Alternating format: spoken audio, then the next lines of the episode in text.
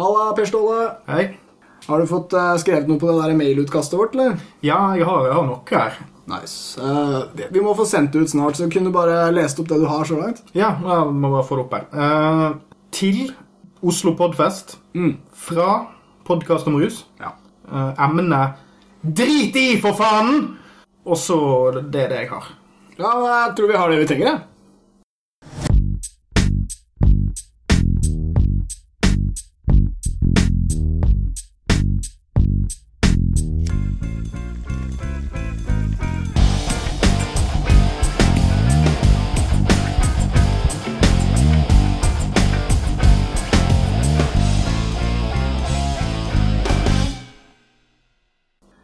Yes, yes, brip, brip, brip.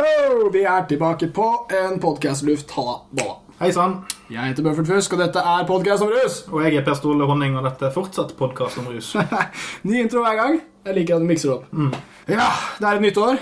Jeg gidder ikke å si nye muligheter, for det veit jeg ikke. Nei. Men nytt år vet jeg. Jeg tror det er nytt år samme gamle muligheter. Det er ingen nye muligheter. Det er en livsløgn. Begynner å bli litt høye tall på kalenderen min, syns jeg. Nyttårsforsettet mitt er å gå opp i vekt. Høyere tall. Ja, Awesome. Mandige saker. Kanskje jeg når tungvekt. Nei, eller ekstra tung tungvekt. det, er, det er en kulere klasse i boksing, men ikke i samfunnet. Ja. Er det? Interessant. Veldig interessant. Vi skal snakke litt om uh, skal vi si det? Ja. Ja, Vi skal snakke litt om opiater i dag, men nærmere bestemt heroin. For det er jo det folk uh, syns er spennende. Det er det som er en sånn skikkelig klikkvinner. Du skriver narkotika på en sak. Ja, mange som klikker. Sier heroin. Mer. Podkast om heroin.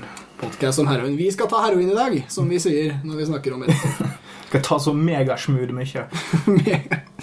Og skal vi drikke litt Ago og stå på rollerblades Ja, med jeg, knekk. jeg drakk sjokomelk før vi begynte. her. så følte jeg jumpstartet litt. Vi er autentiske i Podcast om rus.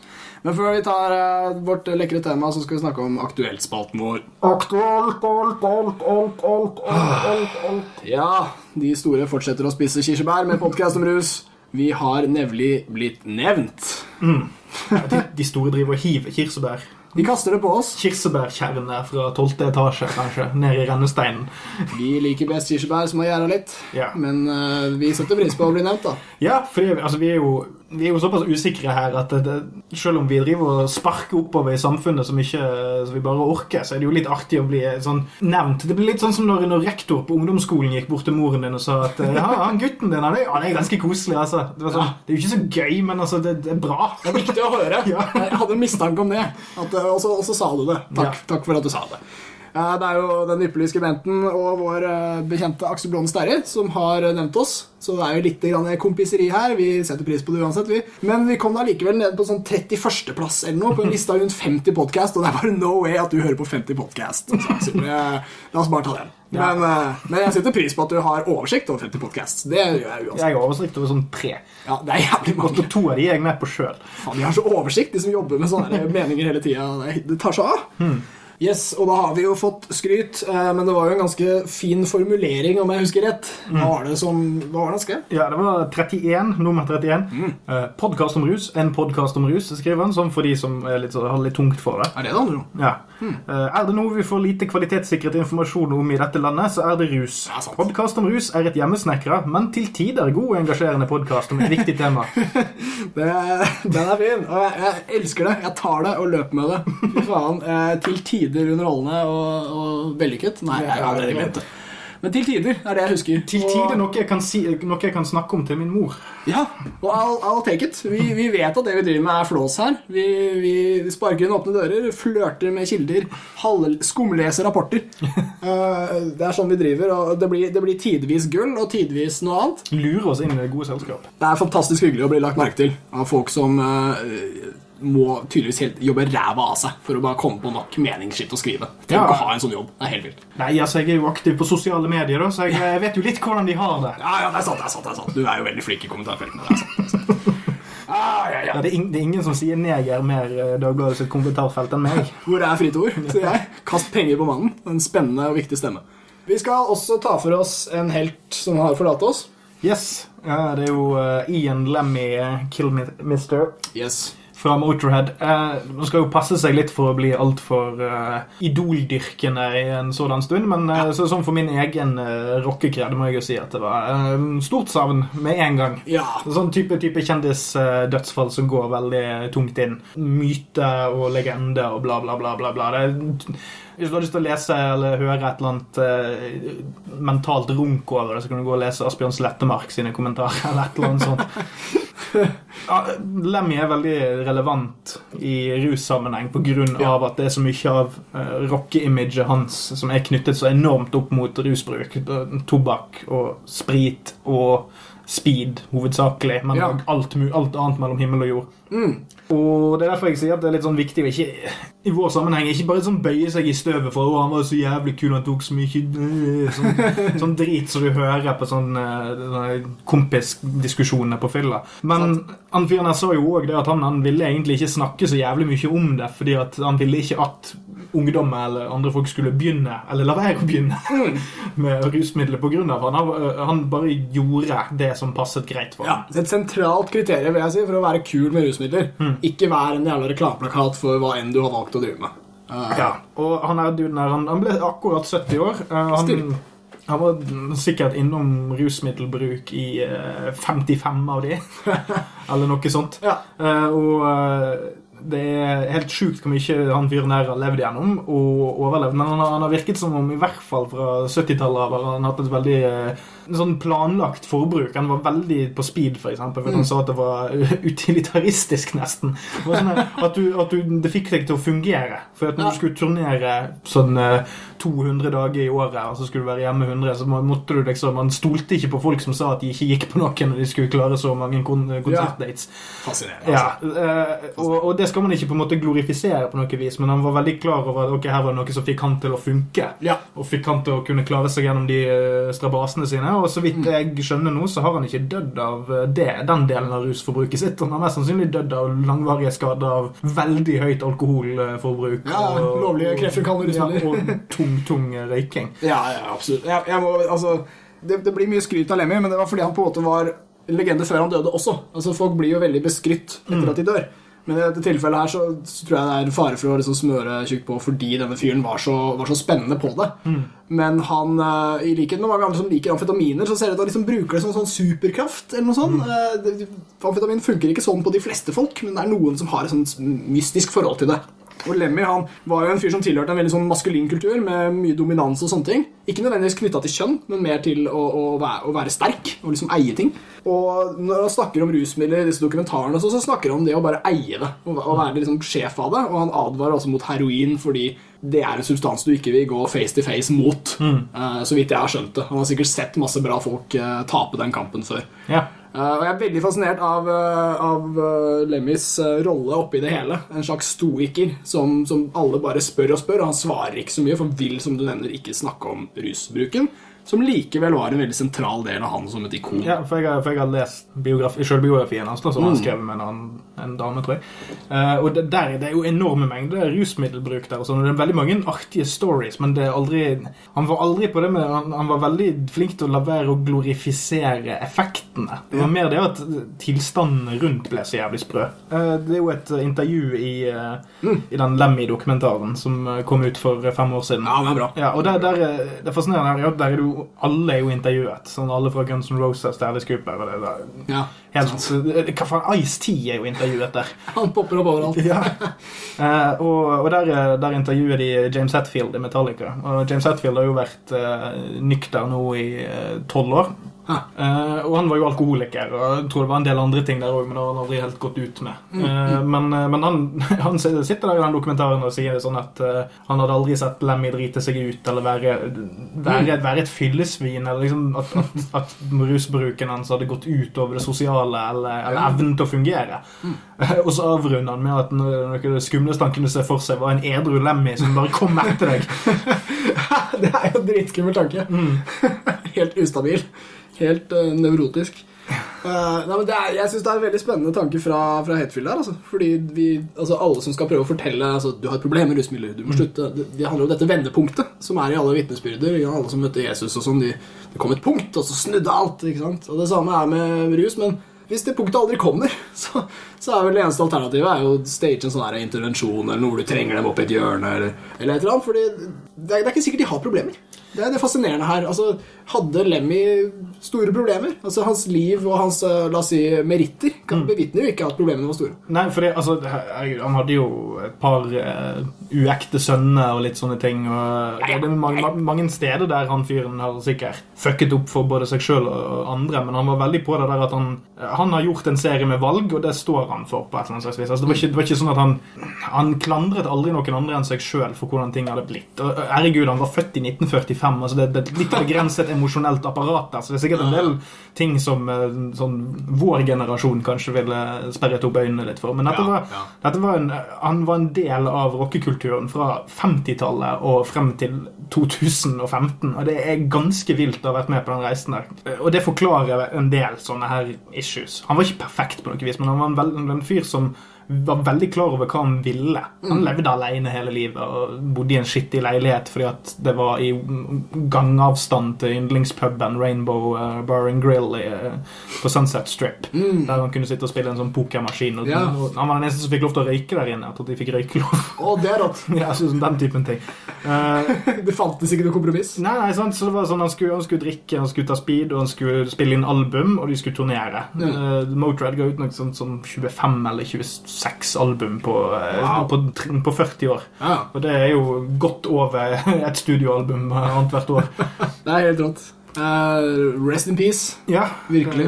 Det var sikkert en drittfyr på noen måte, men når det kommer til å handle your high, så tror jeg det er veldig få som uh, måler seg der. Mm. Ja, jeg, jeg, jeg vet det høres litt sånn teit ut, kanskje, men jeg er på en måte glad for at det ikke var rusmidler som tok livet av Levi. Jeg, altså, jeg er ikke glad for at han døde i det hele tatt, og jeg syns fortsatt det, det, er bare, det er bare symbolikken jeg kommenterer. Jeg syns bare det er veldig fint at det ikke var en slags binge. Det hadde vært veldig overraskende.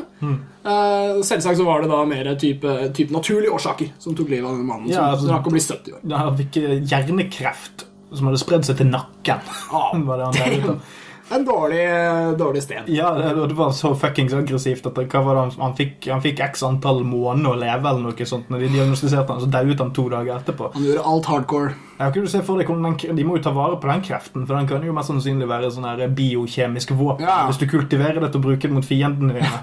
Lag noen der kreftantibiotika den greia der. Det er den billigste kreften vi har hatt på kloden. Det der. Nei, men bare for å ta en liten segway over på hovedtemaet vårt, så var det han eh, Som, som du var inne på rett i sted, så var det jo sånn at Lemmy hadde, hadde noen det var To ting han, han sa han holdt seg unna i livet sitt. Det var Ja. sprøyte, og det var heroin. Ja, ja. Eh, og Jeg husker ikke om det var i 2005, eller noe sånt, men da var i hvert fall Lemmy og talte for liksom, den walisiske kongressen. Og De har jo noen sånne, sånne selvstyremyndigheter. Og noen sånne høringer om, om heroinbruk. Og sånt, og da hadde han et langt innlegg der han uh, snakket om uh, alt det bedriten han har vært igjennom med, med heroin.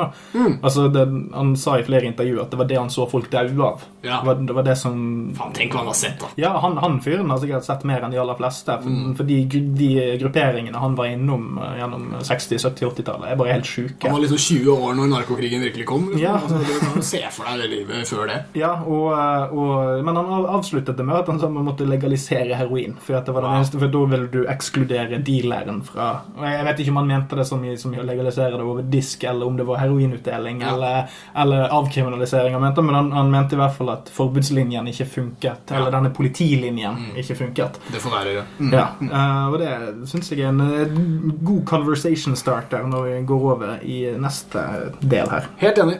Helt enig. I like to do drugs. I like to have drugs. I like to hold a cigarette full of grass in my hand until one morning. Ja, ja, dere, mine damer og herrer. Heroin. Drømmeordet som alle barn kan si til sine foreldre. Bare komme inn i stua en dag og si 'hallo, morfar. heroin'. Det er den nye hobbyen jeg driver med. Det Eh, høres ut som en høytid. sant? Altså, Det, det som kommer etter, altså mellom halloween og thanksgiving. Halloween. Heroin. Heroin. Fy faen, altså. Det er, øh, det er ikke alltid vi har kalt uh, opiatene for heroin. Heroin er faktisk en merkevare. Det, det var rett og slett en fyr som følte seg jævla heroisk når han tok det, som ga navn til denne substansen. Dette er jo et av de stoffene som det er så jævlig vanskelig å sette seg inn i hva brukeren egentlig kjenner på. For det, det inntrykket jeg har med heroin, er at så 90% av alle mytene som alle andre stoffer har om seg, det stammer egentlig fra heroinister. Ja. Altså den her eh, ett et skudd, så er du hekta altså, I den grad alle disse mytene funker eller Mm. har sannhetsgehalt, så er det i hvert fall sant for heroin. Altså, Ja.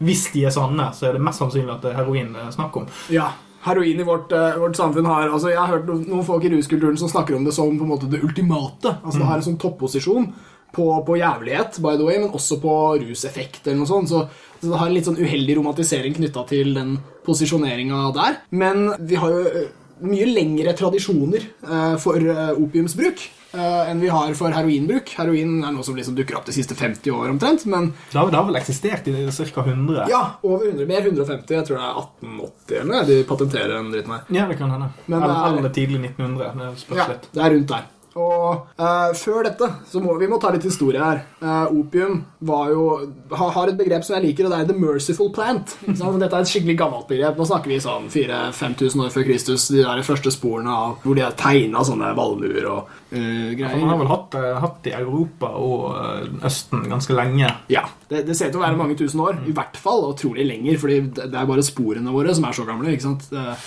Det, ser jo ut til å ha vært ganske etablert. eh, men det de gjør da, er at de bruker opium som smertestillende eh, i en periode hvor de ikke har noe annet. Altså Det fins nesten ikke medisin, men the merciful plant blir noe man kan gi til de som dør, og så dør de med et smil om munnen. Altså du kan det, det fjerner smerte, det gjør deg salig. Eh, kanskje ikke noe å leve på, men veldig tøft å dø på. Eller sånn, Ganske mye behageligere. Ja, nå, nå snakker vi om egentlig bare plantesekreter eller Ja. sånn Råopium. Ja. Det er plantesekret, det er helt riktig det. altså. De snitter eh, kapselen på en sånn egen blå eh, valmue. ja, for de er jo litt sånn klumpete på toppen, disse blomstene. Mm. Så det er det der det hentes fra. Da. Ja, det er før valmuen på en måte åpner seg Ja. blir en fin blomst. Så Det er da den er mest potent. da er den full av denne safta. Som eh, responderer i opiatreseptorene våre. De er jo også oppkalt etter denne planten. De reseptorene i hjernen, og Grunnen til at de gir så ekstremt heftig rus, det er at de har en veldig høy forrang i hjernen. Altså at det fins et slags hierarki av hvilke reseptorer som er mest viktige. Og sånn.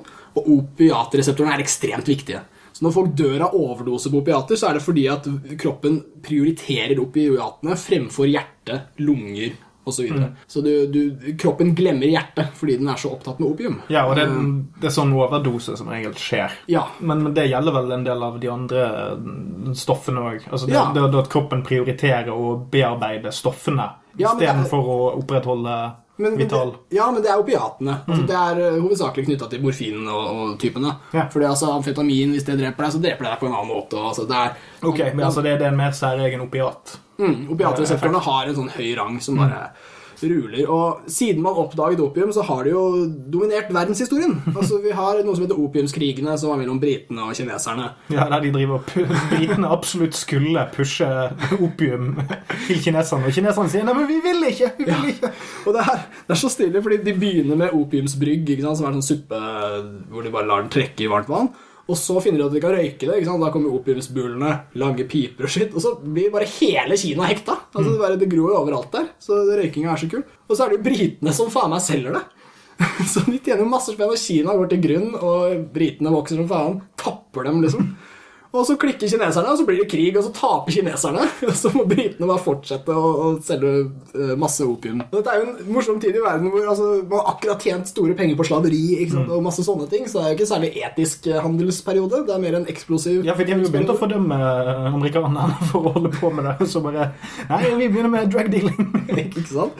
Og det er uh, igjen så, Grunnen til at man tjener masse penger, er fordi at det er noe med mennesker og disse substansene. Vi, vi, vi kaster livet til side for å ligge på en bule og, og, og røyke opium. Og Det var også en sånn sosial dimensjon som var stilig, for junkien før det å gjemte seg, men så ville man henge på opiumsbulene plutselig med alle kompisa. Og liksom. Så det ble en sånn folkebevegelse. Jeg tror det var en tredjedel av hele Kina jeg, som var hekta på opium. på det verste. Ja, og selv for Uh over 100 år siden så tror jeg det var en anstendig mengde med folk. altså. Tenk hvor mange mennesker. Så Etter at de lærte å røyke opium, og hadde de jævla opiumbulene og sånn, så Ja, kom det kom vel, det kom vel etter at tobakk begynte å bli en greie i Kina. Ja, de hadde jo For det er vel handelsrutene fra Amerika. Det er vel der tobakk begynner å bli introdusert for resten av verden. Ja, og De hadde jo også det som hasjrøykerne kaller for mexig. Ja. Fordi de tok jo faktisk tobakk og fant ut at hvis du blander det med opium, så fenger det mer. Altså Det er dritsmoothie i pipa, visstnok. Ja, for de, de, de, de spiste det opprinnelig, eller, eller tok det inn gjennom eh, spiseveien. Men, eh, men så fant man ut at hvis man røykte, så var det mer potent. Ja. Og enda mer potent med tobakk enn rent òg. Fordi du, du rett og slett kveler deg sjæl litt underveis. Litt karsinogener fra tobakken. Og så blir du rett og slett mer rusa. Men etter at røykinga har dominert og lagd et helvetes handelskaos og krig, og sånne ting, så finner man jo opp sprøyta, hipp hurra. Og da endrer heroinhistorien seg på ny. Og de sprøytene som de fant opp på slutten av eh, 1800-tallet, det er faen meg noe av det mest brutale faenskapet Det jeg har sett. ser jo ut som sånne knokejern eller Ja.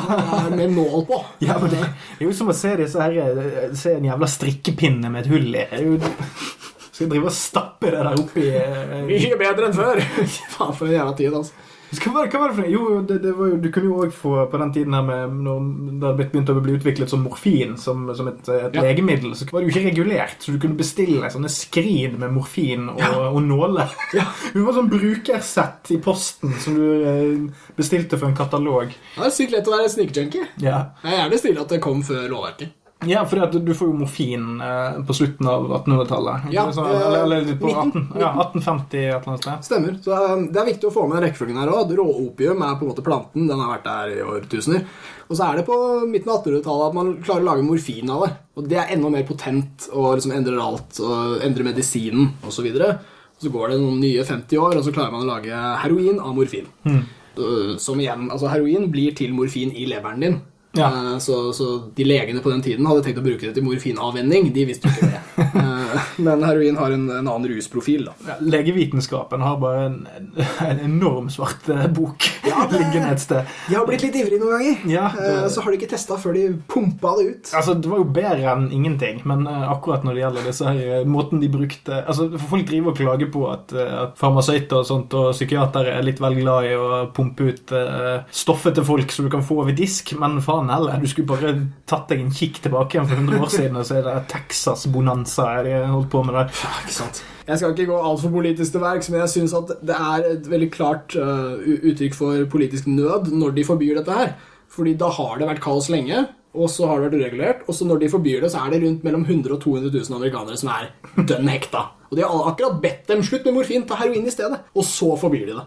Så det er jo, de har jo fordømt en hel haug med folk. altså De kommer til å dø, i hvert fall 10% av de kommer til å dø ganske fort. Men de var helt desperate. altså Det er ikke noe vits å koble det her til noe ondskap. eller noe sånt. Jeg tror de var helt satt sjakkmatt av, av hvor raskt eh, heroin og morfin spredde seg. Hvor, ja, for dette var helt, dette var helt lovlig å distribuere og omsette Ja. inntil de forbød det. Så det Ja, Og da var det totalforbud. Så. Ja, sånn, Så, du, så du har ikke den der klasse sånn, når, vi, når vi diskuterer rusmidler i dette programmet, her, så er det veldig vanlig at vi, vi kommer litt inn på sånn, ja, men hvordan kommer det til Norge, eller hvordan, altså, hvordan sprer det seg. sånt. Men her, men her har det bare fått spre seg helt, Ja. helt uregulert, som òg er heller ikke det man, man er ute etter i et rusmiddelmarked. Nei. Nei, absolutt ikke. Spesielt ikke dette stoffet her, som har den evnen at du får eh, mødre til å drukne ungene sine. Og heroin, ikke sant? Og heroin altså Nei, ikke, ikke at det gjør det, da, men altså vannsmekte og så man Ja, bra begrep. Man velger vekk ting, da. Man velger Ja, vekk veldig viktige ting for dette middelet her. Ja, Men også med referanse til at en tredjedel av Kina ble hekta. Sykt mange. Så, så er er heroin en substans som skriker etter regulering. Altså Vi må på en eller annen måte håndtere den dritten her. Så vi fikk en dårlig start. Så tror jeg vi kan si De der handelsrutene hvor heroin kommer til Norge, og sånn, de var der lenge før heroin ble oppfunnet. ikke sant? Men, øh, men øh, angående heroinregulering tenkte jeg skulle ta sånn øh, sluttpoeng med, så den, den utsetter jeg. Men kanskje vi kan da ta litt mer om Jeg har en liten anekdote bare sånn kjapt. Du nevner hvordan en tredjedel av Kina var tatt over av Fashion, ja. Og, og at veldig mange amerikanere ble tatt eh, av denne bølgen òg. Men eh, det er jo disse her rotteeksperimentene vi har eh, snakket om før. Det var vel Ja. kokain de testet det ut på. Ja, både kokain og heroin. Ja. Mm. Og der etablerer de jo, var det i hvert fall etablert i de forsøkene at dersom det var sosialt nettverk rundt for denne rotten, og Ja. tilgang på mat og litt sånne andre ting, og rekreasjon, Mm. så ville, ville de kutte ned på inntaket av rusmidler. Ja. Eh, På 1800-tallet var det ikke spesielt fett å være verken kineser eller amerikaner. Med mindre du var godt over øvrig middelklasse. altså Nå, nå snakker vi borgerskap. Da var det ganske fett å leve, og sjøl Ja. da kunne du daue av tæring når som helst. Så denne rusmiddelet, og spesielt et så sterkt et som opium og morfin var, Mm.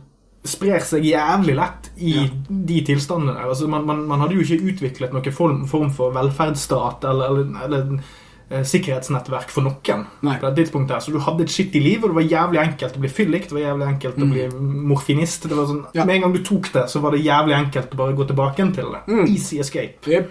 Rusmidler dukker Så- opp som ild i tørt gress, og det tørre gresset er jo sosial nød. Ja. Altså, det, Det har jo bare gått oppover med so det sosiale siden da. Og jeg vil Ja. tørre å påstå at det aldri har vært så, det har ikke vært så grusomt utbredt som det var da. nei, nei, altså, det, det går, mange ting går bedre. Yeah. Det kan vi absolutt si. Også på denne fronten her, selv om uh, narkokrigen eh, ligner på det den gjorde før. Men, men en annen, altså, man kan jo spørre seg hvorfor bare utrydder vi ikke denne planten her? Og der er det jo masse geopolitiske årsaker, Afghanistan etc. Men det er også det at vi har behov for morfin i medisinen. Eh, medisinen er, eh, hadde en kjemperevolusjon når, når man klarte å lage narkoser som var stabile. Fordi Før det så brukte man eter og kloroform. Eter var uh, ganske dødelig, kloroform var også det. Eh, men sånn, jeg husker jeg så en dokumentar om det her, og så sa de at med kloroform så var det de som var mest redde for operasjonen, som døde. Fordi de fikk en klut foran munnen, eneste måten å dosere det på. Og, og så holdt de pusten i frykt. Og når uh, frykten ga seg, så måtte de ta Altså, den ga seg ikke, unnskyld. Når, når de måtte ha luft, så tok de et svært uh, Magadrag. Magedrag.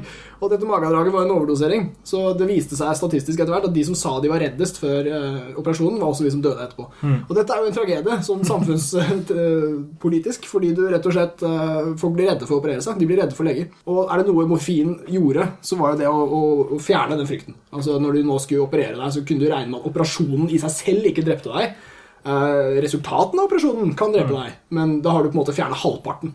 Ja, ja eller, eller operasjonen kan drepe deg, men du, du er i hvert fall trygg når du Altså, Ja, det er ikke det operasjonstekniske som dreper deg. Ja.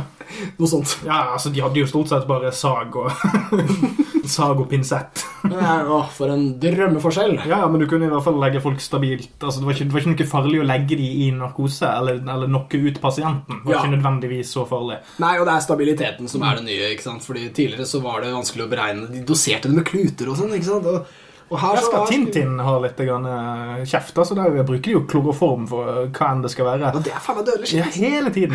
Man må i hvert fall ikke skremme folk. Man må si sånn Å, slapp av, slapp av. Alt går bra. Just let it happen. Ah, så ja, eh, legene er ofte litt sinte for at de må drive og gi opiater til folk som ikke virker så syke. Eh, men de har fortsatt ikke noe bedre alternativ enn opiater for å skjære i folk. Eh, og der er vi. Og der har vi egentlig vært i 100 år.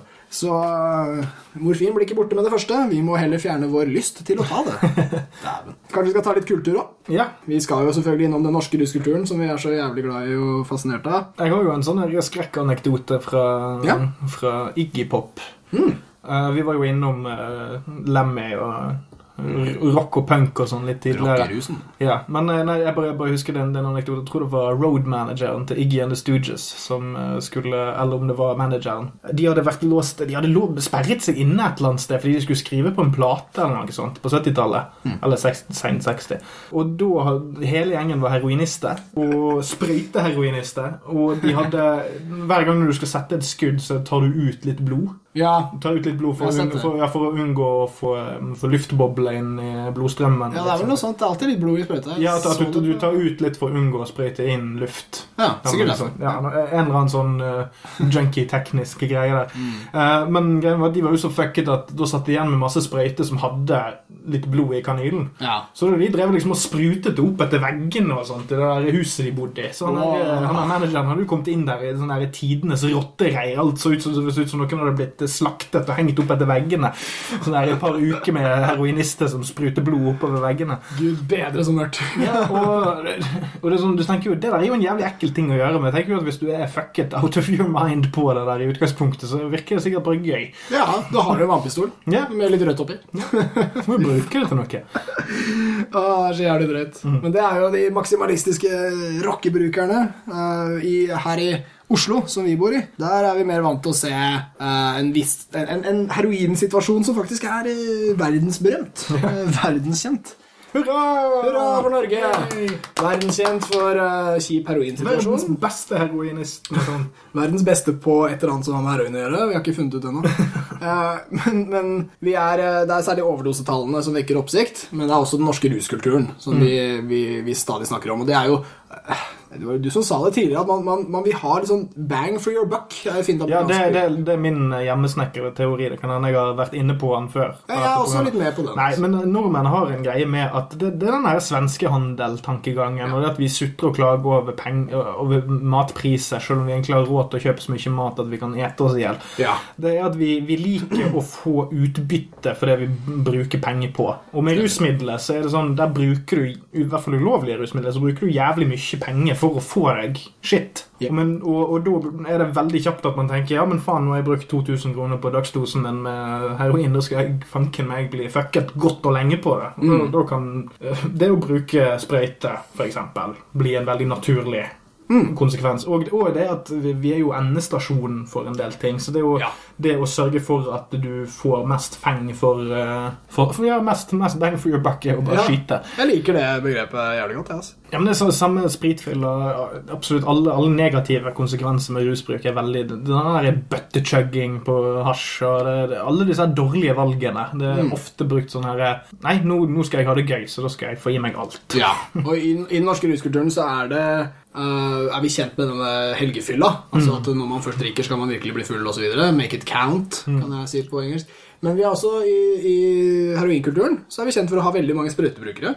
Og at de også blander andre preparater med heroin når de skyter det. Noe som ofte øker overdoserisikoen veldig mye. De, de blander det med benzodiazepiner, type angstmedisin, og de blander det også med opiat, andre opiater og hva som helst av piller. Noen har speed oppi også, en såkalt speedball. Også fryktelig risikabelt hvis du ikke vil uh, dø. Men vi har uh, i, I Norge er det veldig mange sprøytebrukere, og jeg så en statistikk. Det er litt gammel, det var på slutten av 90-tallet jeg så den. Men da sto det at i, i det øvrige Europa så er det rundt eh, 10% av alle heroinbrukerne de skyter. Eh, 90% røyker. Og så er det omvendte tall i Norge. At 90% av våre brukere de skyter, og 10 røyker. da. Ja, og det, det er ikke tall som bare kommer ut av ingenting. Det er jo Nei. noe der som burde vært sett nærmere i kortene. Ja. Fordi det, vi, har vi har jo egentlig ikke noen god offisiell forklaring på hvorfor det er sånn. Nei, vi har ikke det. Vi, vi sier det er en ukultur, og det, det er mysisk. Ja, det er jo en ukultur, men eh, som faren min er jævlig glad i å si, så er det sånn, ja, men ukultur er også kultur. Det er kultur. Og, og det begrepet henger litt grann på greip. Ja. Fordi altså en ukultur det sprer seg jo fordi at det har en slags mimetisk verdi, om du vil. Ja. altså det, Ideen reproduserer seg sjøl fordi at det er en eller annen grunn. Det er et eller annet med sprøytebruken som gir. Og Ja. Da tenker jeg Bang for your buck er en av delene, men det er ikke bare det. Nei. Det begynner jo et sted, og hvorfor det begynner. Denne kunnskapen om hvordan man skal gjøre rusting, eh, den, den er jo stort sett i byene. Altså Folk eh, reiser jo eh, til byene for å ta heroin. Altså De reiser jo hit for å leve på gata og ta heroin. Sånne ting. Men du lærer det av kompisen din, broren din, whatever. Og så er det ofte sånn altså Folk lærer å lage hasjbonger av plastflasker, og altså, det er masse rare triks. da Som, som lokale skikker blir litt sånn synlige og sånn. Men eh, med heroin så, så har du denne gjengen med heroinbrukere som ikke er så mange mennesker. Altså som typ, eh, La oss si 1000 i Oslo, da. Noe sånt. Som er inn og ut av en sånn organisert flokk. Ikke det 10 til 18 000 sprøytenarkomane på lang, landsbasis? Jo, jeg mener det. Ja. Av, av disse gategjengerne så, så kunne man si 1000. Hvis vi bare tar de, så, så er det der Så lærer de hverandre hvordan man vekker skudd. Hvordan man, Forhåpentligvis hvordan man unngår infeksjon. altså at, at det er litt sånne budskap også, Men det handler stort sett om å bli rusa. Det handler stort sett om hvordan du blir mest fucka. Og denne junkieflokken i Oslo den begynte jo i Slottsparken. Så gikk den ned til Egertorget. Gikk og gikk, ble jaga. Altså. Løp. Og så, så fort de kan. Og så ble de da jaga videre ned til Jernbanetorget, om jeg husker den rekkefølgen riktig. Og så var de da på Plata etterpå, som er litt lenger bort mot Operaen. Og så kom de tilbake til Jernbanetorget, og nå er de borte på Brugata. Så vi har en sånn flokk, en sånn organisme av sprøytebrukere i Oslo. Og hvis de hadde klart å løse opp den, altså, forhåpentligvis ved å gi dem et verdig liv, for faen, så hadde også denne ukulturen trolig blitt begrenset. Ja, eh, Politiet driver jo og gjeter dem. Ja, det er litt gjeting. Men, men det merkelige er jo at de har jo istedenfor Når du begynner i Slottsparken, og så jager du dem mot sentrum Det er jo ikke så jævlig lurt. Nei. Altså, jeg, jeg kjenner en del bønder. og det, du, altså, hvis du virkelig vil ha uh, en flokk et sted, så er det jo lurt å gjete de til fjells. sant? Og, du, du skulle hatt de opp i marka. ikke få de ned mot sentrum. Nei, nei. Du har jo jagd de i feil retning. Det er sånn som de gjorde i Bergen, for eksempel, med en sånn viss suksess. Altså, de laga disse kommunale pointsa som lå litt utafor sentrum. Så du, du måtte bare ta T-banen, altså trikken, da, ikke så veldig langt, Bybanen, men så, øh, med en viss suksess. Altså, omtrent halvparten av de som var i Nygårdsparken, er vel på disse stedene fremfor sentrum. Så da gikk du på en måte litt klar for den verste ansamlingen i, i sentrum. Men likevel så er disse sprøytebrukerne De er glad i 7-Eleven og døgnåpne sjapper og, og tilbud. ikke sant? For de er veldig sånn opportunistiske. Ja, men De er veldig hånd, hånd til munn. eh, Mm. sant? Altså, du er nødt til å skrape sammen eh, 1000-2000 lapper for å Hvis du er storforbruker. Ikke sant? Og da, hvis du først har penger, så må du springe inn og få deg noe å spise, og da er døgnåpne sjappe det som er greit. sant? Du har 30 kroner til en pølse. Ikke sant? Og, det, og dette er det ekte kjøret. Dette er et liv hvor du ikke har noe ro. Så Hvis du hadde hatt en leilighet som lå på Lambertseter eller et eller annet sted sånn utafor byen, og hadde alt der, så hadde du kanskje bare dratt i sentrum en gang om dagen og kjøpt en dose og dratt hjem igjen. Men, men det de gjør i stedet, er at de henger i sentrum hele dagen. De bare fucking henger. Og den der henginga er dypt samfunnsproblematisk. Det er den turistene ser. altså Det er den folk reagerer på. ikke sant? Men det er jo ikke et problem for andre enn egentlig brukerne. Hmm. Altså, Du kan snakke om boligverdier og alt mulig sånn, jeg har vært innom dette før, men veldig mye av måten vi behandler heroinister, spesielt i Oslo, på, er veldig utsmykkingsorientert. Ja, utsmykkingsorientert. helt Det er veldig få av tiltakene som er for, for å redde hele gjengen. Mm. og Det er derfor det er så tungerodd med behandling, og, og f.eks. om hva sprøy, sprøyterommet kan og kan, ikke kan brukes til. og en del sånne.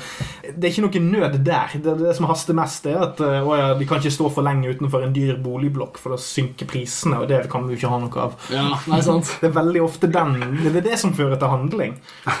Ja, sant, ass. Veldig, veldig sant. Det er det som kan gjøre en jævla forskjell.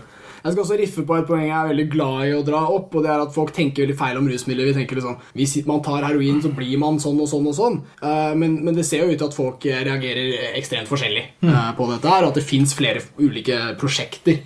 Noen folk er alltid på fucking kjøret. Noen folk hadde vært litt mer sånn velegna for eh, assistert behandling og liksom komme seg litt vekk fra sentrum. Så heroin kan også brukes til veldig mange ting, eh, og folk gjør også det. Eh, jeg har veldig lyst til å nevne disse smugbrukerne som har jobber, familier. Altså, det fins folk i den byen her, og jeg, det er faktisk over, over la oss si 1000 mennesker anslagsvis, som bruker heroin daglig og i smug. Og det gjør de ved å røyke deg, ikke skyte deg, for det blir synlig. Du får liksom merkbare merker av det.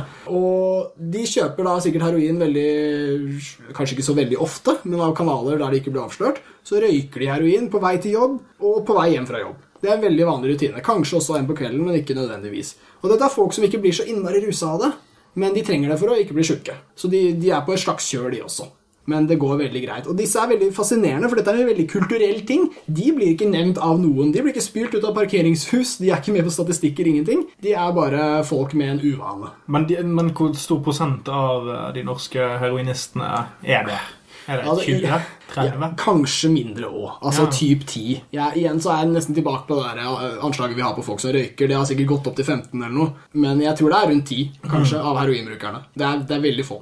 Ja, for I motsetning til en del andre av grupperingene, så er det der er funksjonalitet høyere Mm. i så å si alle de andre rusgruppene. Vil jeg anta, bare ut ifra måten jeg Det tror jeg du kan si. Mm. Altså, Hasjbrukere vil jeg anta er mest funksjonelle. Ja, der har du så mange som er innom hasjbruk iblant. Ja, sant? og er folk. Ja, altså, altså bare Prosenten av regelmessige brukere. Der Ja. vil jeg si at det er høyest. Og så tror jeg òg Ja. speed og kokain ligger òg sånn innenfor, vil jeg tippe. Ja. I, I større grad altså på grunn av at det er binging, men du kan være funksjonell på det. Ja. Men, men eh, heroinbruk har en tendens til å bare dra deg veldig ut av muligheten til å arbeide. Men, Ja. men, mens eksempel speed og coke, der er det sånn du kan klare deg på jobb og du kan klare deg sosialt helt til du måker inn i veggen. Det er da ting går til helvete. Mm. Veldig sant. Sant? Så du- du er funksjonell veldig lenge, og så Ja. hvis du Og det er en- ting som må med der òg. Altså, de fortjener på en måte litt skryt, disse sn- snikheroinistene. Skal passe på ikke gi dem for mye heller, men de er litt sånn Supermann i at de klarer å skjule det. Noen gjør det over veldig lang tid og sånn.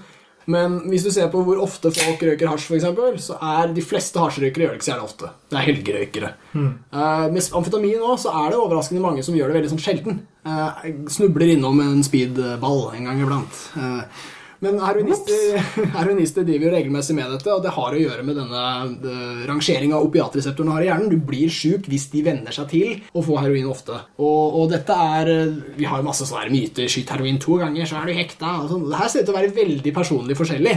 Folk er veldig ulike, men det er klart at hvis du tar heroin regelmessig i en måned, eller noe sånt, og så prøver å kutte tvert, så, så vil det være vanskeligere enn med andre rusmidler. Ja, for dette, Jeg leste en artikkel en gang eh, for noen år siden. Men jeg husker introen var ganske interessant, fordi den, det var en eks-heroinist som skrev. Men han, han var en fyr som, som på en måte gikk gjennom stadiene. Fra, fra regelmessig til avhengig til uh, skyting. Og han var amerikaner, så det, det sier jo litt om eh, perspektivet her, da. Siden det er ikke et like utbredt problem i USA. Ja. Og han her var en høyt fungerende eller en... Men, men det, det han forklarte om det, var det at det som var så skummelt med heroin Det, det er litt det samme som eh, det, egentlig det klassiske Jeg kjente meg igjen jeg leste det ut ifra hvordan jeg begynte å røyke. For mm. Fordi at han, han prøvde heroin på en fest en gang, og så var han veldig imponert over effekten. Og så kjente han etterpå at ja, men han måtte ikke han, Oi!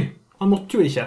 Det gikk jo helt fint. Han hadde ikke lyst på heroin dagen etterpå. Han hadde jo lyst på det, Ja. men det var ikke sånn at han var ikke avhengig. Det, for det, det er jo det man, man misforstår når man lærer barn og ungdom om rusmidler. Du sier sånn 'Ett skudd, så er du hekta', eller «Ett- et trekk av en joint, så er du hekta'. Er du bundet, Ja, bundet fast? Nei, det er ikke sånn du blir hektet. Måten du blir hektet på, er at du, ta, du gjør det, og så opplever du at Ja, men jøss. Det gikk ikke så jævlig. og det var, det var sånn jeg hadde med sigarettrøyking. Det var poenget. Det var Ja. Første gangen jeg røykte en eh, sigarett, så husker jeg at jeg tenkte jøss, jeg er jo ikke avhengig. Nei, så da tok jeg en til. Ja, ja. Ja, og det var sånn han her fyren her ramlet inn i heroinisme. At, han, at han, det var over et par måneder så økte han og økte og økte. Mm. Men han kunne på en måte si med sikkerhet at sånn innen de par første månedene så ville han fremdeles ikke si at han var avhengig. Mm. For at han kjente ikke det fysiske. Og, og så, men så kom det et punkt der han bare husket at oi, nå har det skjedd noe. ja ikke sant? Og det var det som var så forbanna skummelt med det. Ja. At sjøl heroin har ikke den her ett skudd så er du hektet. Én touch, så er du der. Nei, og den overdrivelsen der, den koster litt. Ja. Og jeg, jeg skjønner også hvorfor de sier den, Og vi er ofte inne på det her òg, Vi er jo det. Men, det. men den er litt viktig å hamre inn. Ja, jeg syns det, og jeg skjønner egentlig hva de mener. Det tok lang tid for meg å tolke hva de egentlig mener, men det, det man vet om avhengighet, det er det at vi alle på en måte får noen i løpet av livet. Og du bør ikke slippe så mange avhengigheter inn i livet ditt. Det er utrolig det de prøver å si. Hvis du prøver heroin, så vil du få en veldig sterk erfaring knyttet til det. Den erfaringen vil ikke forsvinne. Den vil være i hodet ditt, og den vil prege deg på en måte som kanskje blir uheldig. Betyr ikke at du blir junkie, betyr ikke at du må at kroppen øh, sleper som en zombie mot neste dealer, men, men det kan være en uheldig erfaring.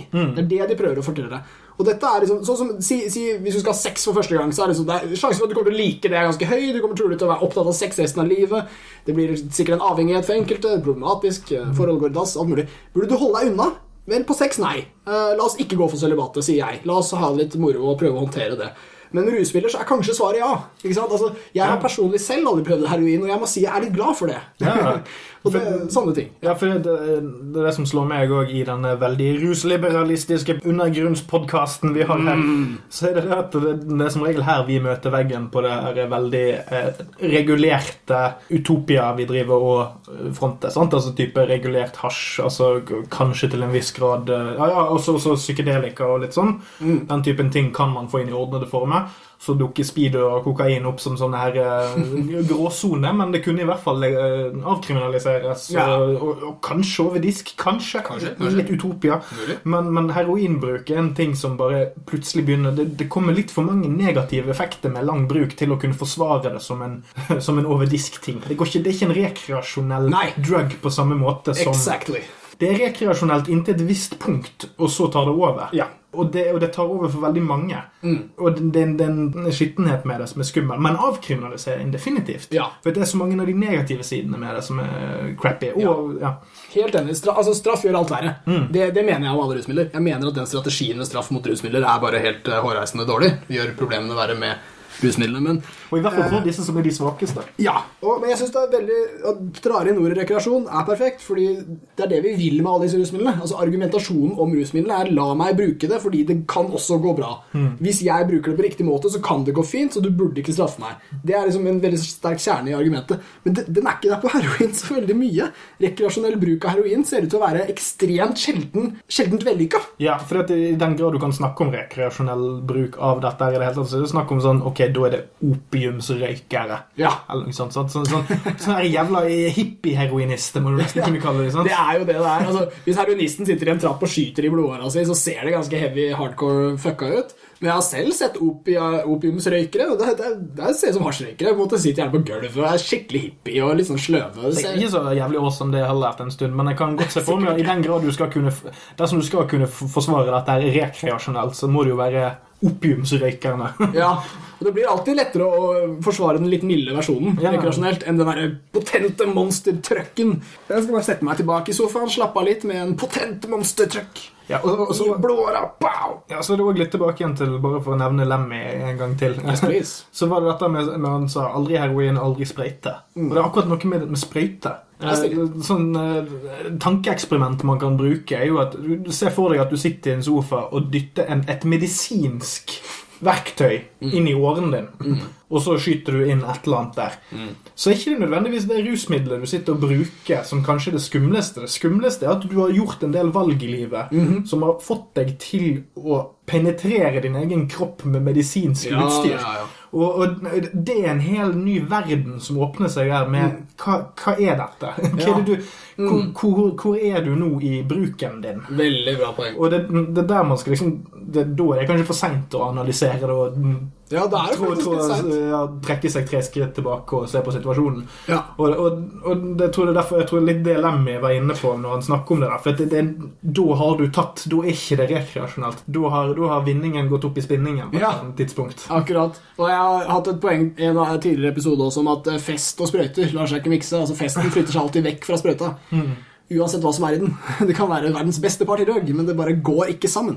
Og jeg tror årsaken er det samme som du nevner her, at, at vi har jo ikke noen Folk er ikke vant til å bruke sprøyter på seg sjøl. Dette er ikke noe folk gjør i samfunnet vårt. Eh, De går til legen. Eller burde. Ja, eller ikke burde. Altså jeg er for selvmedisinering. Jeg synes Det er fint at folk har gelatinkapsler og går og kjøper masse jalla på helsekosten og prøver ut ting og sånn. Det syns jeg er helt topp, men la oss sette streken før sprøytene. Ja, altså så Bortsett fra sånn, sånn folk som har får anafylaptisk sjokk eller, Ja, ja. eller Diabetikerne og forskere på Sydpolen. Altså Du kan godt være geolog, men hvis du trenger en sprøyte, så skyt den bare sjæl. Hvis ikke det er noen andre der. Sånne ting, Men, men det er, man hører at jeg må finne på et scenario for at det å sette en sprøyte på seg sjæl faktisk har noe verdi. Og det er òg det, er sånn, det nærmeste, det eneste andre jeg kan komme på som er sånn litt i samme leia med, det er å sitte hjemme og mekke sine egne filtersigaretter. Ja, det, jeg Men det er fremdeles ikke det samme som å skyte en filtersigarett inn i årene. Nei, for du åpner åra, ass! Du er rett i den. Ja. Nei, ja, det, det, det kan bare ikke brukes allment, ass. Nei, og, og, og sprøyteskrekk, det, det er ikke en det er ikke en helt irrasjonell skrekk. Den er ikke sånn. For Alle har jo opplevd den der, eh, sånn, de som besvimte når du tok eh, BCG-en på Mm. ungdomsskolen og sånn. Så. Og det er faktisk ganske naturlig. Altså det at Menneskekroppen har et instinkt som sier at ting som stikkes inn i meg, Ja. Mm. er ikke bra. Med mindre det stikkes inn på skikkelig bra Alt du vet om det, er det han jævelen sier til deg. Ja, ikke sant? Jeg tror det er en god aversjon å ha. Og, Ganske rasjonell, Ja, bare, bare hold deg unna sprit. Ja. Mindre du har diabetes, hold deg unna. Altså, jeg- vil ikke utfordre det. Jeg syns det er bra. Den sprøyter nå, Jan. Det er helt greit. Fortsett med det. Eh, jeg hadde også lyst til å nevne at eh, Norge har blitt forbigått altså, Når vi snakker om kaffe, så snakker vi om at finnene har gått forbi Norge i kaffedrikking. Fy faen. Men nå har jo blitt eh, håper jeg, litt hyggeligere den her da, når Estland har klart å komme forbi Norge på overdosestatistikken. Men har Estland da eh, Er det da det at de har bare økt eh, overdosene sine, eller er det, det er ikke Norge som har tatt færre? Nei, det er et bra spørsmål. Det er en kjempeøkning i Estland som er årsaken til dette. I Norge er tallene ganske stabile. Irriterende stabile. De har gått litt ned.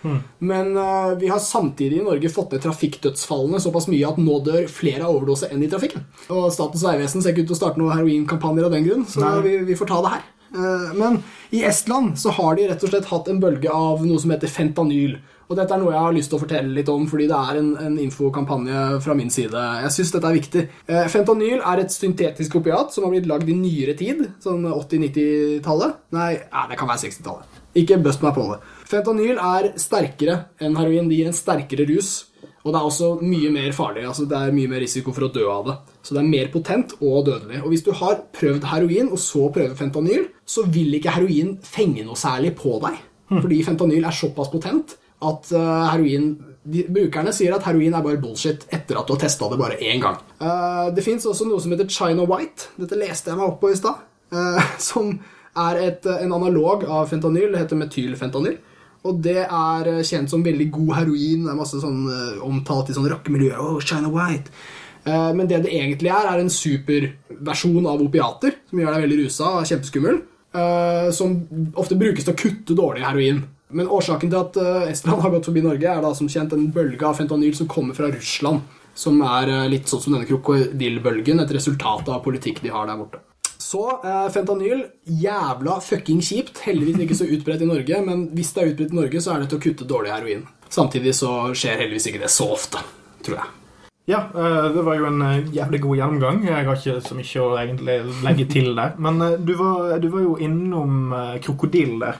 Og ja. for, noen, for noen år tilbake så var det jo, et, var det jo egentlig ganske stor litt sånn hysteri rundt uh, at man trodde at krokodiller hadde begynt å få uh, ned, nedslag i Norge. Ja, stemmer. man, man hadde noen funn i Tromsø og uh, litt sånne ting.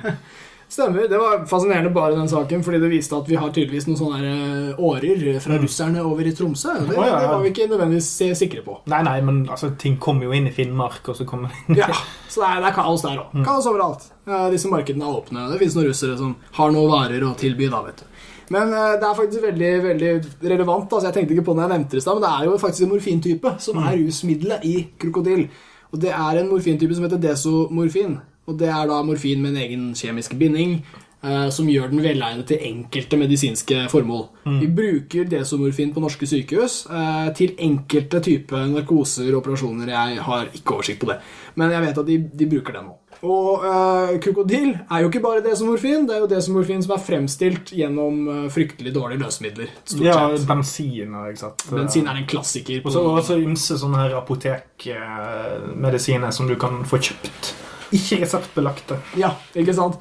Og det, det, det her er en greie om at uh, russerne tidligere, veldig lenge Og dette handler om å distansere seg til Vesten. Ja, for det er et russisk fenomen, dette med krokodille. Det er det. Det er, det. Det er, er russisk oppfunnet, kan vi si. Fordi I de landene som ikke var med på krigen mot narkotika, sånn som i Nord-Korea, så har cannabis vært lovlig hele tida. Det har jo ført til at cannabisen er jo ikke noe bra, selv om den er lovlig, for de er så fattige.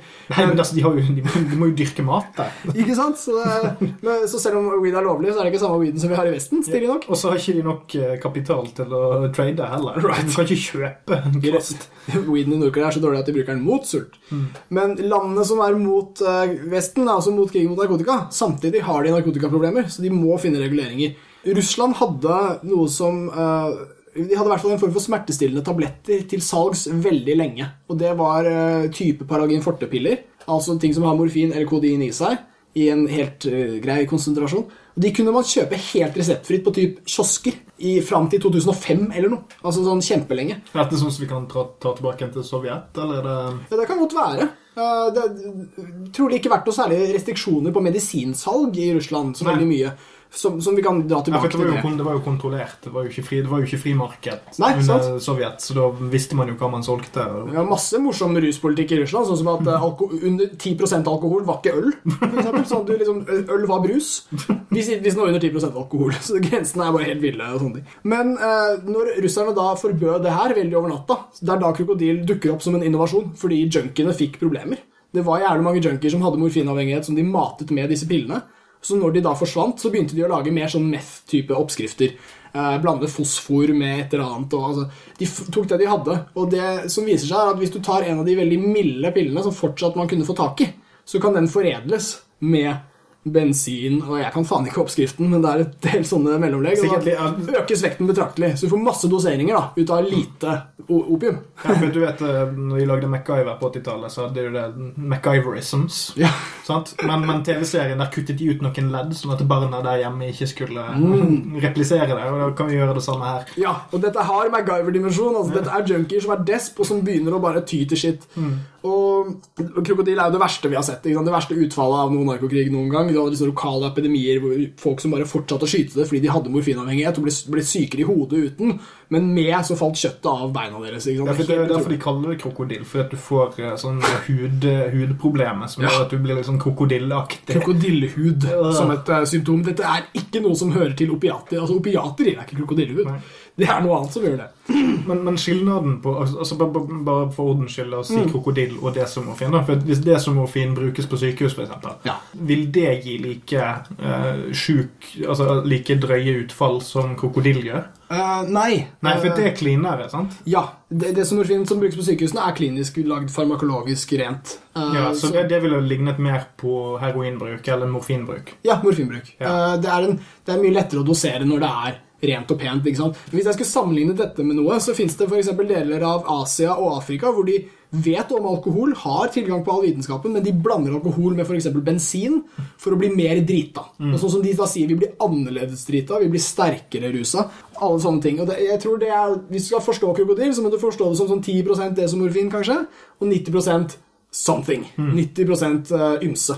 Og du blir sikkert også rys, rusa av disse 90% ymsene. Kanskje desto mer enn av morfinet. Ja, fordi- Men morfinet er det eneste vi veit om. Ja, fordi at eh, nå, nå eh, kan hende at jeg ikke hang helt med i svingene i sted, men sånn at, altså, la oss si de 10% med desomorfin. Kommer det da fra preparatet som er tilgjengelige? Uh, ja, eller, eller i hvert fall fremstilt fra dem, ja. Ja, ok, ja, så du, du, har, du har en sånn her uh, crackpot-kjemikersett som gjør for, for, for å liksom få frem det litt kunstig, den Mm. desomorfin ja jeg tror den, den dukker opp underveis, ja. Ja, Mm. sant? så det er ikke, det er ikke en- det, Hadde de hatt tilgang på mer pur desomorfin, så hadde det mest sannsynlig blitt pushet og kuttet? Eh, kanskje. Altså, det, for det er en interessant, veldig bra spørsmål. Fordi spørsmålet hva er, hva er det de liker ved rusen? Mm. Er det desomorfinen, eller er det alle disse andre effektene? Og Det er derfor jeg dro opp det eksempelet med Afrika-folka som blander bensin oppi alkoholen sin. Så er sånn, de, de sier at rusen blir bedre, og dette høres veldig rart ut for meg. Men, men det blir sikkert noe annet. Ja, for det var den løsemiddeleffekten av bensin. Det jo den, Ja. min første rusopplevelse var jo å lukte på en bensinkanne da jeg var liten. Ja. Og med, Da jeg var liten, forresten. Men jeg må bare si at uh, den diskusjonen altså, Disse russerne ville sikkert uh, tatt en frisk diskusjon de, om hvordan man burde lage krokodille. Burde bruke bensin, eller burde bruke noe annet drit? Diesel, kanskje? Hva faen er det? Men den diskusjonen er egentlig helt komplett uinteressant, fordi det vi egentlig diskuterer, er hva som kan brukes. Og hvis du får krokodillehud og det er av det, så driter jeg i hvor nice du har det oppi huet ditt. Det er, det er veldig kaotisk slum-debatt, hvis vi skal begynne å ta den. Ja, jeg lurer på om det er en ganske naturlig cut-off point for Norges en del, hvorfor det ikke kommer her. Fordi at Ja, ja. Jeg tror at levestandarden her er for god, tror Ja, jeg. Jeg tror dette er et veldig klasse... Russland er et sånt half and half u-land. Mm. De er et i-land offisielt, men de er fanken meg Det, det, fins deler av Russland som er så fuckings grusomme at du Mm. ikke har ord for det engang. Og da er det naturlig at disse tingene sprer seg jævlig der, og i hvert fall med denne autoritære tilnærmingen de har til absolutt alt de gjør. Russpolitikk, det er du blir behandlet like jævlig som om du er en voldtektsforbryter. Det, det, du blir fucket i fengselsmiljøene. Ja. sånt? Så du, Mm. driver, du driver de narkomane til drøye tiltak. Ja. Men jeg tror sjøl junkien i Norge har høy nok utdannelse til å skjønne at dette ikke er noe. Ja, og, og det, det, det, hendelsene i Tromsø underbygger poenget ditt òg. For Du hadde leder av de der gatemagasinene der, for eksempel, som er en litt sånn uh, underlig skrue av en fyr. Mm. Men han gikk også ut og så sa han at dette må dere si nei til. Og det, det han sa, var ikke 'slutt, slutt å skyte heroin'. Mm. Det han, selv om han er veldig mot heroin nå. Det han sa var, og han understreket det her, at dette har de kjøpt veldig billig. Mm. De som har solgt dette her i Tromsø, de har solgt det kjempebillig. Så ikke kjøp billig heroin, var det han egentlig sa. Gå til den snille heroindealeren og kjøp den dyre heroinen. Implisitt. Eh, men men ikke sant? Det, det er akkurat sånn som du sier, at vi i Norge så har vi egentlig mulighet til å styre unna dette, og det har de kanskje ikke i Russland. Nei, og uh, bare for å sitere Fidel Castro Han sa Mm. uh, sjøl, horene i Havanna har universitetsutdannelse. Det er flott å skryte av. Ja. ja, ja, Men det er et flott poeng i denne sammenheng. ja. Sant? eh, Du kan ikke si det samme om junkien i Russland. Sånn, Nei. Og, og det er jo egentlig bare en befolkningsting. Sant? Altså det, Ja.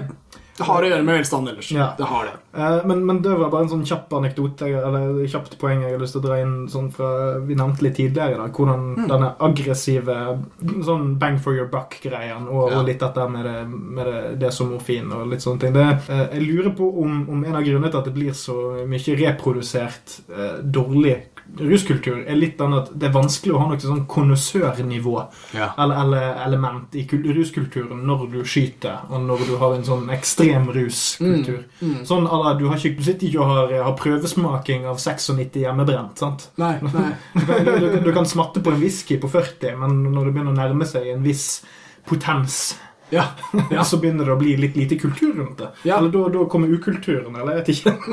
Ja, men det er jo Kjempepoeng. Jeg er helt med. altså. Og, og igjen så bare skriker det etter det behov for en hvit kultur. Altså en legitim kultur hvor, hvor svarte penger er ikke, spiller ikke sånn at det bare er hvite som får lov til det. og KK, ro ned. Eh, ta en K til, da. KKK. Eh, men det er eh, Vi trenger akkurat som vi trenger lovlig heroin, trenger vi lovlige penger knytta til heroin. Vi trenger lovlige ritualer knytta til heroin. Lovligheten vil hjelpe, er min altfor gjentatte påstand. men eh, vi kan vel rappe opp dritten, skal vi ikke det? Avrusning! Ah, vi har eh, lært mye her i dag eh, om heroin, i hvert fall jeg. Snakka med meg sjæl. vi, har, altså, vi har vært gjennom både historie og kultur og overdoseproblematikken. Men uh, jeg kommer til å bable litt om politikk, jeg. Jeg kommer til å si noe om, om Podkast om eh, politikk tror jeg vi skal drive ha en innspill på snart. Ja, lytteren skal vite at jeg prøver å holde meg litt i skinnet, altså. Men uh, det jeg gjerne vil si, er at altså, junkier er en gruppe altså sprøytebrukere i Oslo, da, hvis vi kan ta de. Denne gjengen her som jeg snakka om tidligere, som blir jaga rundt som en sånn organisme som sprer seg rundt om i byen. Eh, de er eh, utsatte mennesker. De rømmer. De rømmer fra seg selv, fra alt mulig, og de dør lett. Eh, det jeg ville si her, det er at Døde junkier det er en tragedie for alle. Ikke bare for de pårørende, men også for statens system. og sånne ting Men det man kanskje ikke tenker på, at det er også en tragedie for heroindealerne.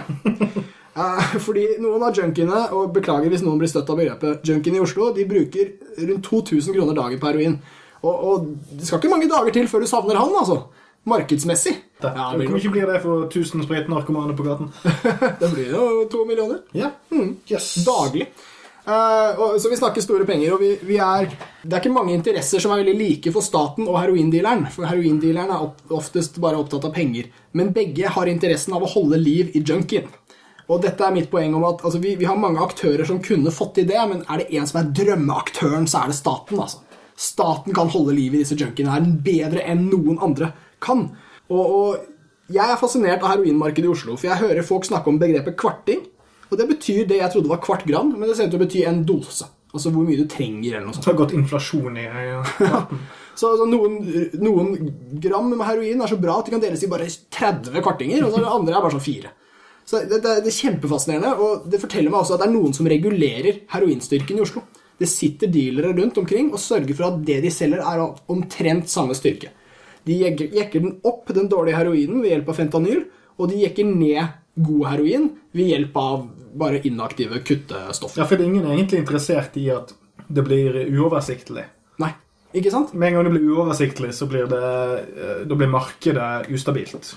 Ja. Enten i form av overdose, eller at folk er nødt til å begynne å kjøpe mer fordi det er for svakt. Ja, Og da fucker det opp tilliten og inntektsstrømmen. Og, ja. Ikke sant? Vi har, som vi nevnte, rundt 10 000 brukere av sprøyte, altså i hvert fall heroin i, ja, av heroin i Norge, omtrent. Og dette er en liten gruppe som bruker veldig mye penger. Eh, hvis du hadde sammenlignet med cannabismarkedet, så ville du sett at der er, det lite penger av gangen, men det er jævlig mange brukere. Så det er seige penger, men det er åpent. Så det er ikke et monopolmarked. Har du en kilo hasj, kan hvem som helst selge den, og alle blir glad, og ingen får bank, og det er dødskoselig. Men hvis heroinmarkedet derimot er som sagt få brukere som bruker masse penger, og da blir det mer markedskontroll. Så det sitter noen folk og passer på, og dette, er, dette her fascinerer meg. Fordi det betyr at, Jeg har til og med hørt historier om det her, at det kommer folk med for sterk heroin på markedet. Det er det verste. For svak heroin kan du godt selge. Men sterk heroin dreper folk, og da kommer dealere, type eks-jugoslaver og sånn, og så kommer de og banker deg fordi heroinen du selger, er for bra. For sterk. For farlig. Ikke sant? Og Dette er dødsfascinerende. Det handler om regulering av et marked bare for å tjene penger. La oss ikke si de er hyggeligere enn det. Men dette er statens ansvar. Herre min hatt, hvem skal passe på at heroinen ikke er for sterk? Det er jo faen ikke S- Slådovan nede i gata her. Voldelig jævel med skinnjakke. Det skal jo være legen til staten, farmasøyten. Det er han som skal gjøre det. God damn. Heroin må reguleres. Det, det har så sterkt reguleringsbehov at skurkene fikser det sjæl. Gud bedre, altså. Hvor lenge kan vi egentlig late som at det ikke er dritlett å kjøpe heroin i Oslo? Hvor lenge skal skurkene få bestemme hvor sterk den er? Tror, akkurat når det gjelder heroin vi har vært innom det et par ganger før i denne, denne podkasten og et par andre. Men som sagt, det er det at det er så lite, det er så lite rekreasjonell kultur rundt det. Ja. Heroinister er de andre for sjøl andre russubkulturer. right, Altså. Hasjerne syns at heroinister er gærne. Speedfolk syns de er gærne. Altså, alle syns at de er gærne, bortsett fra da, andre heroinister som òg er speedfrikere og alt. sant? Altså, for, Ja. for heroinister er jo ofte òg liksom samlingspunktet for alt det andre. Altså, alle de negative sidene med alle de andre ruskulturene, de finner du faen meg hos heroinistene. Ja. Sånn, De har, de har et, der er det en sånn implosjon. Det er der du ser alt. Jeg var innom det, det var sikkert forrige episode. Da var vi òg litt innom dette. Og, vil, og episoden før det òg, kanskje. Men det er denne tanken om at de er, de er så fjernt fra alle andre at det blir vanskelig å gjøre det, det er vanskelig å få en politisk vilje for det, for de har ikke en pressgruppe for seg. I nyere tid nå så har vi hatt et større push på, for, for hasj, og vi har hatt et større push for, eh, for MDMA og psykedelika. Ja. Det har nå begynt å få et, et slags eh, litt akademisk vekt og argumentasjonsvekt i, i, i den offentlige diskursen. Men heroinistene har ingen. Ingen. Det er ingen som, altså, man slåss for rettighetene deres, greit nok, altså for junkie og, og behandlingstilbud og sånn, men, Ja. men rettigheter, altså den derre punchen, den virkelige, virkelig gode punchen, mangler. Og jeg lurer på om det har noe med at, at det blir så ekkelt at man distanserer seg. All, alle distanserer seg litt. Det blir litt sånn, Møter du en heroinist på gaten, så er det sånn mm, blir litt ekkelt. Det er litt det samme med å forsvare det i et eller annet slags uh, offer. Det, man, man, man blir litt redd for barna sine, Ja. eller hva enn. Det er et eller Jeg annet. blir redd for mine ufødte barn. for faen. Ja, men jeg kødder ikke. Vi får rappe opp på den noten der, ass. Uh, kjære bruker Kjære lytter. Kjære, kjære brukerlytter. ikke, ikke bli en bruker. Eh, hvis du prøv, Revurder å prøve heroin, kjære lytter. Uh, hvis du skulle falle for fristelsen, så røyk det, for guds skyld. Hold deg til helvete unna sprøyter hvis du kan, til enhver pris alltid. Og hvis jeg kan eh, omformulere en gammel dirty Oppland-linje og fucke med podkast om rus er som å prøve heroin, ikke gjør det. La meg parafrasere Lemmy og si Kjære sønn, ikke prøv heroin. Bruk speed. Det er mye bedre for deg. Nei, ikke prøv speed. Ikke prøv speed, Preben. Ikke gjør det, Preben. Ikke hør på Lemmy. Rest in peace.